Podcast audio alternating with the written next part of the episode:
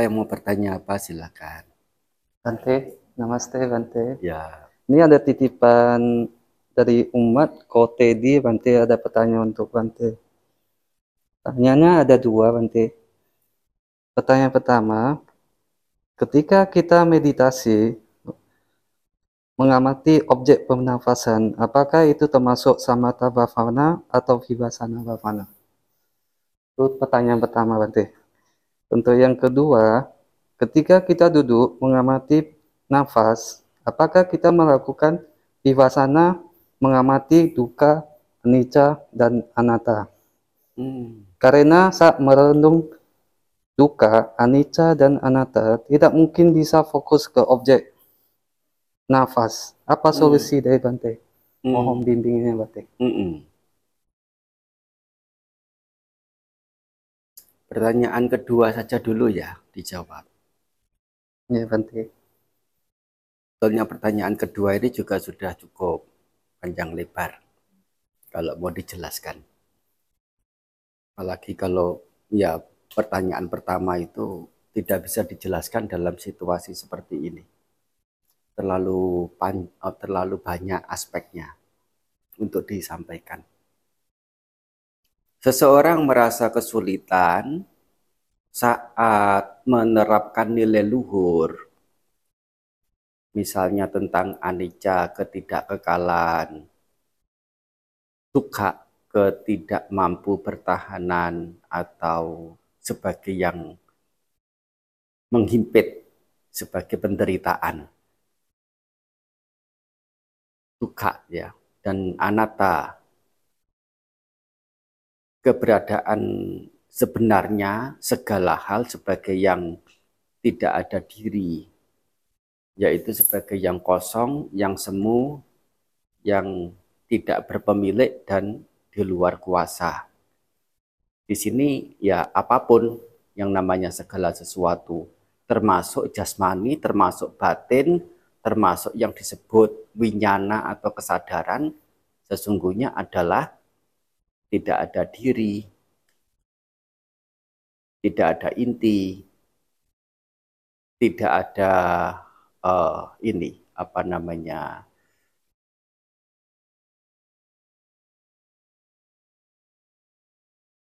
tidak ada sesuatu yang ber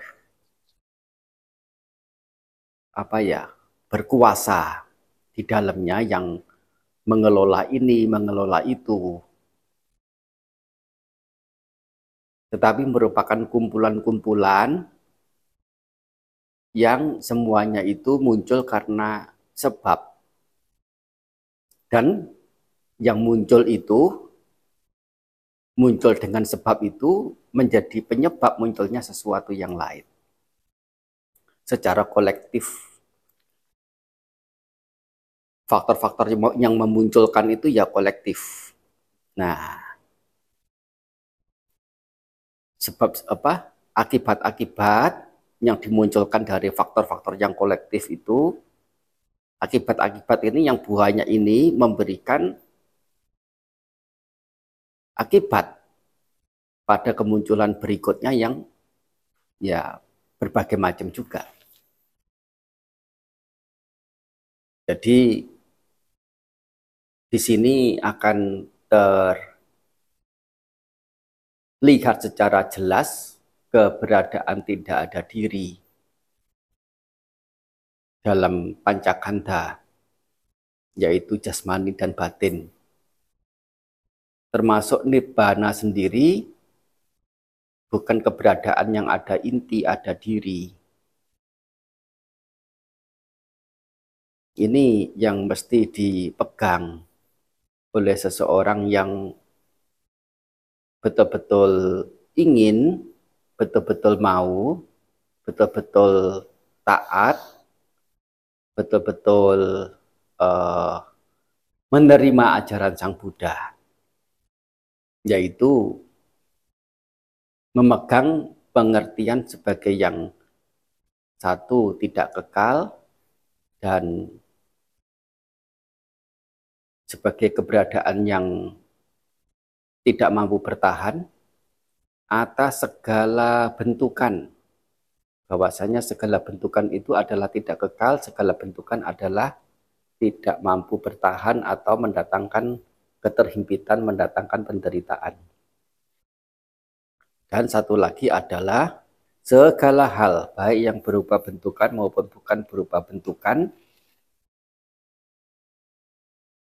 tidak ada diri, tidak ada inti, yaitu adalah sebagai yang kosong, semu, tidak, berku, tidak berpemilik dan di luar kuasa. Nah, pengertian-pengertian ini memang sesuatu yang selain sulit untuk dimengerti, relatif baru bagi kebanyakan orang.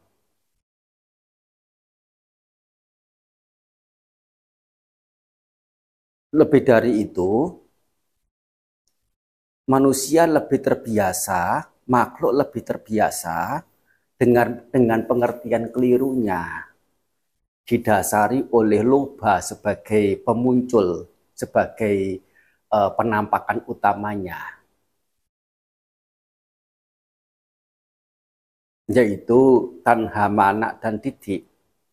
Tanha kegandrungan, mana pembandingan diri dan titik eh, pandangan kelirunya sebagai yang kekal atau mungkin sebagai yang mustah. Ya, apa namanya dua poros pandangan keliru. Jadi manusia pada umumnya, makhluk pada umumnya dikitari oleh loba ini.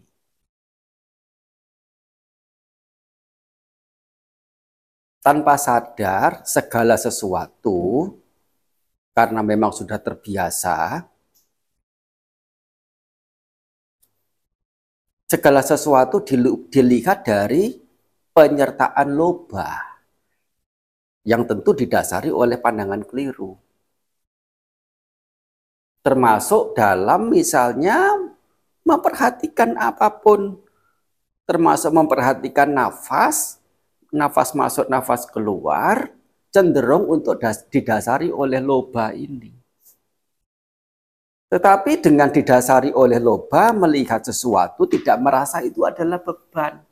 Begitu menginginkan menyertakan nilai luhur dalam melihat nafas, rasanya berat banget.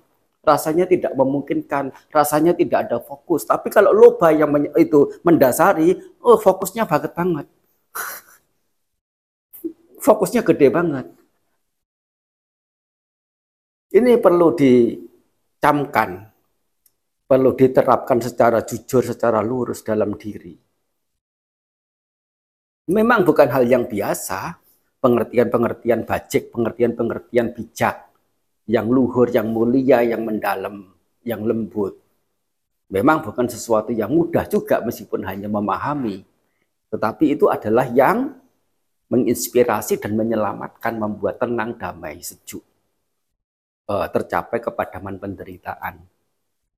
Jadi permasalahannya bukan ini, uh, itu tidak mungkin, tetapi karena itu adalah tidak menjadi kebiasaan dan tidak dibiasakan.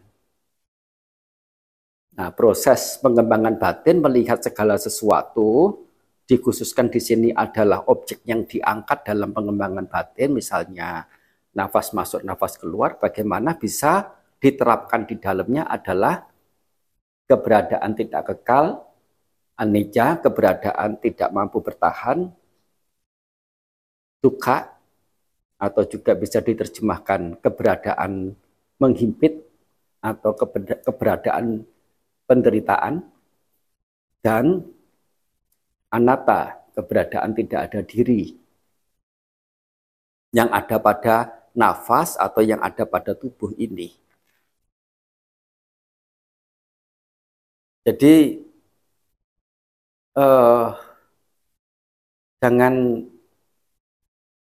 jadi jangan skeptis dulu atau jangan apa gampang menjadi putus asa, menjadi apa tidak ada daya untuk apa ya mengembangkan praktik melalui penerapan nilai-nilai luhur ke dalam objek. Oleh karena sesungguhnya kita merasa tidak kesusahan sewaktu melihat objek, tetapi juga ah, disertakan di sana loba, bahkan dosa. Kalau mau hanya, ya terlebih-lebih lagi. Nah, begitu. Jadi jangan apa namanya karena berpihak pada marah kemudian menganggap semua itu tidak mungkin, sulit, susah.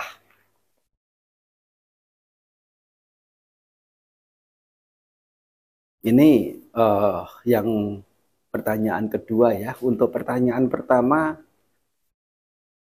meditasi anapanasati itu termasuk samatha bhawana atau vipassana bhawana. Permasalahannya di sini adalah saya tidak yakin si penanya itu, oleh karena titipan pertanyaannya, uh, tidak yakin yang bertanya itu sudah paham apa itu samatha, apa itu vipassana yang sesungguhnya. Jika itu diteruskan dilanjutkan dengan pemahaman yang berbeda antara saya sebagai penjawab dan namanya yang bertanya itu selaku ya pendengar punya punya konsepnya masing-masing berbeda, ya tidak nyambung. Begitu. Tapi kalau mau dijelaskan secara rinci dengan mengawali apa itu samatha bhawana, apa itu vipassana bhawana, ya butuh setidaknya lima hari atau yang biasanya itu 10 hari. Iya. Nah. bisa apa ya? Bisa gamblang. Ya, memang kalau dalam waktu setengah jam atau 15 menit bahkan bisa tidak. Oh, bisa sangat bisa. Bahkan dengan eh, lima menit pun bisa untuk disampaikan. Tetapi disampaikan ke siapa? Yang bersangkutan punya dasar dalam pengertian-pengertian yang sudah mendalam dan meluas belum? Kalau tidak ada eh, apa namanya kapasitas, tidak punya potensi, tidak punya pengetahuan yang mumpuni, ya dalam banyak hal sebagai dasarnya kata-kata yang 5 menit 10 menit itu meskipun bisa dia dengar tapi tidak bisa dipahami jangankan yang hanya 5 menit 10 menit yang sudah duduk 10 10 hari setiap retreat itu sampai ikut retreat yang keempat, yang kelima kali, ya selalu aja ada yang di apa namanya uh, tidak dimengerti.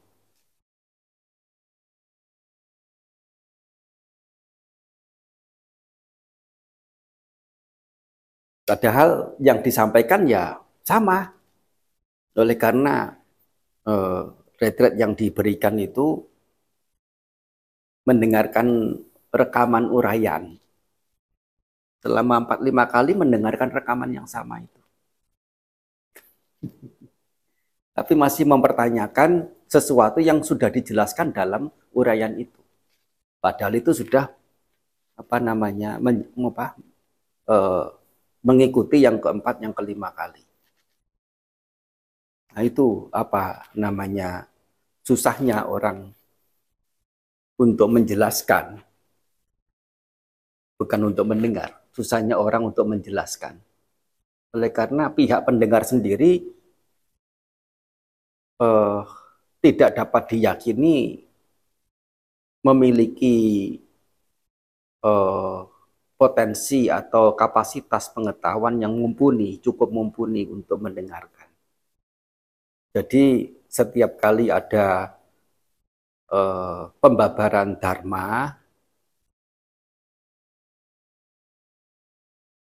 tidak jarang seorang pembabar itu menjelaskan permaknaan istilah apa yang akan disampaikan itu baik. Peristilahan itu adalah topik utama dalam pembabaran dharma ataupun eh, sebatas eh, kata pendukung dalam pembabaran dharma itu.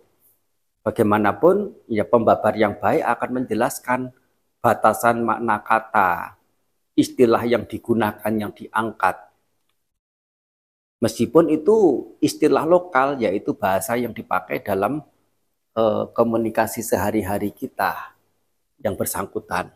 Artinya bukan bahasa asing. Di sini bukan bahasa Pali, bukan bahasa Sanskerta, bukan bahasa apa asing yang lainnya. Bahasa Indonesia kita inilah. Kalau uh, sekiranya kata-kata itu asing bagi umum, itu pembabar dharma ya menjelaskan kata ini artinya adalah e, begini loh. Nah, misalnya tidak menimpai diri yang tidak menderita dengan penderitaan. Tidak menimpai, uh, tidak menimpai itu apa? Bingung. Uh, betul ya? Uh, ada yang salah mengerti tidak menimpali. Oh, beda jauh. Beda jauh menimpai ya menimpa menjatuhi atau apa apa namanya jatuh menimpa. Nah. Nah itu eh, apa kata menimpai itu apa artinya? Itu di secara spesifik. Nah diulang lagi atau dipertegas maksudnya adalah sedemikian rupa sedemikian rupa. Nah itu supaya ada kecocokan kalau yang berbicara maksudnya adalah menimpai, yaitu meni, e, jatuh menimpa, yaitu menggencet, begitu. Tidak menggencet diri yang tidak menderita dengan penderitaan. Tapi kalau yang pihak yang mendengar kurang jelas dengan kata menimpai itu apa? Atau menimpali? Atau apa? Nah, kalau itu berlanjut penjelasan itu dengan dasar pengertian yang berbeda, mau ke mana?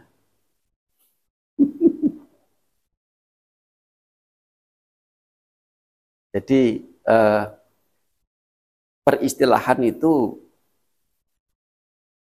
sangat penting dalam berkomunikasi, dalam me, apa, mentra, apa, mentransfer pengetahuan dari satu orang ke orang yang lain. Sejauh apa penting peristilahan itu adalah prasyarat mencapai kesucian. Yang namanya niruti patisambita. Niruti artinya bahasa, peristilahan. Patisambita artinya itu uh, me, menembus sampai, nah, membuat yang ditembus itu pecah berantakan jadi tidak ada sesuatu yang tidak bisa dilihat lagi maksudnya. Semuanya terlihat oleh karena yang ditembus itu sampai pecah berantakan. Tidak ada sesuatu yang tidak dilihat, tidak bisa dilihat. Nah, itu peristilahan dalam bahasa Pali Patisambita. Artinya mengerti betul, paham betul.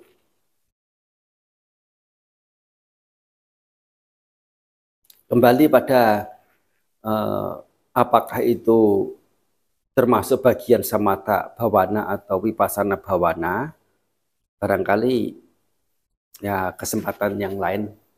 Mungkin dalam kesempatan yang sama ini tetapi satu pertanyaan itu saja. Nanti. nah ini karena uh, tentu tidak bisa lama-lama ya. Hmm, ini juga sudah cukup lama. Ya Bante. Makasih Bante Ah, Hanumadana.